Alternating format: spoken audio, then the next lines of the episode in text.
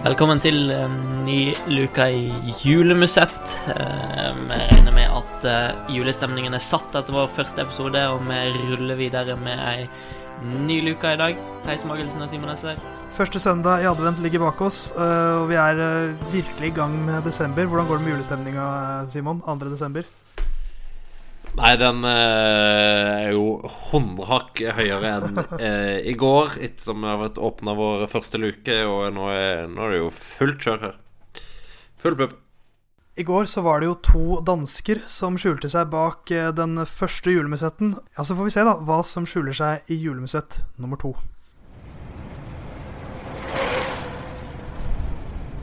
Som eh, nevnt i introen, så ligger jo første søndag i advent bak oss. Det er altså mandag. Man kan jo på mange måter si at denne rytteren har hatt litt eh, blå mandag eh, over lengre tid. Eh, Har stanga veldig mye. Hadde en formidabel sesong for et par år siden. En nærmest perfekt sesong. Eh, Men det har ikke gått like bra eh, etter. Eh, Men eh, mot slutten av årets sesong så skulle det endelig lykkes. Eh, Det var litt, litt tilbake til gamle tendenser som vi så for et par år siden. Litt mer eh, pragmatisk og kynisk. eh, Og når det ender i et spurteoppgjør i Grand Prix Cycliste de Montreal, så er Greg van Avermaet endelig tilbake på toppen i et World Tour-ritt. Han spurtslår Diego Ulissi og Ivan Garcia Cortina og eh, tar en flott seier der. En av tre den eh, sesongen.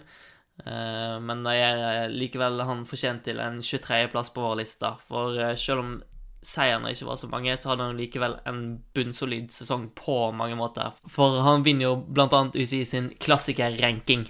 Ja, han gjør det. eh, Og det er jo en litt sånn interessant karriereutvikling Greg von Abmant har hatt, med først å være en nestemann, og så i, i 2016 med OL-gullet osv., 2017 med Paris-Roubais, da, da klaffer det veldig.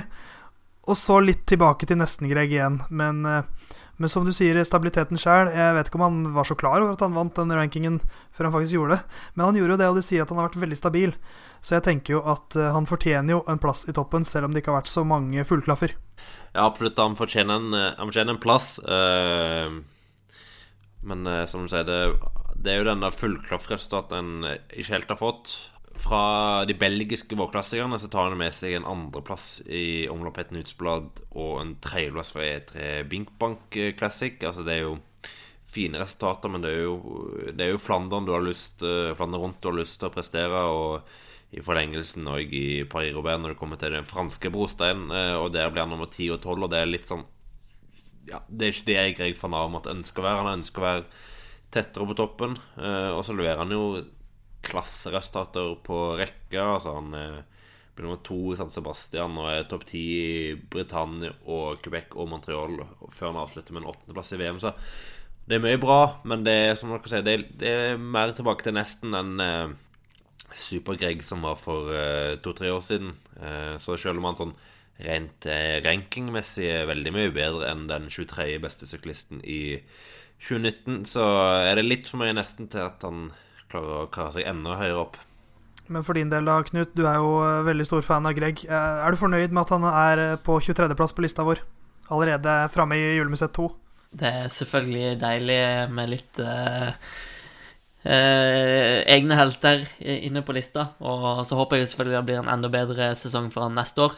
Nå prøver de jo litt oppskrift han hadde fra foran 2017-sesongen. Da var det jo litt andre omstendigheter som eh, sørga for at han havnet i den situasjonen. For han, jeg husker ikke helt hva han knakk, men eh, han hadde vel et ganske heftig brudd som gjorde at han måtte forskyve sesongomkjøringa litt. Og da kulminerte med en eh, perfekt formtopp til eh, Flandern rundt og Paris-Roubais som han vant. Så krysser fingrene for en bra Greg-sesong neste år.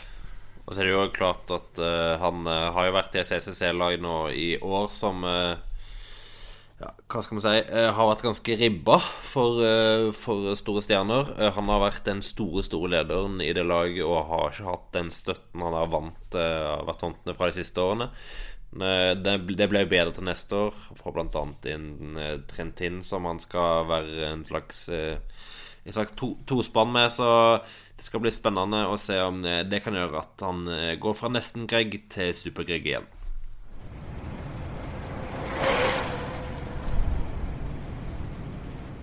Det er en eh, ny julemusett unnagjort, men fortvil ikke. En ny er ganske rett rundt hjørnet, og i mellomtida kan jo du delta i vår superenkle konkurranse der du kan vinne ei Bioracer kortærma sykkeltrøye til verdi av 1600 kroner ved å sende oss dine tre beste herreryttere og tre beste kvinneryttere i 2019. Det gjør det veldig enkelt å sende oss en melding på Facebook, Twitter eller e-post post at procycling.no. Vi gjør det som er enklest for deg, og um, send hvor mange tips du vil. Siste tips vil bli stående, og 21.12. er fristen. Så vi er straks tilbake med en ny julemusikk.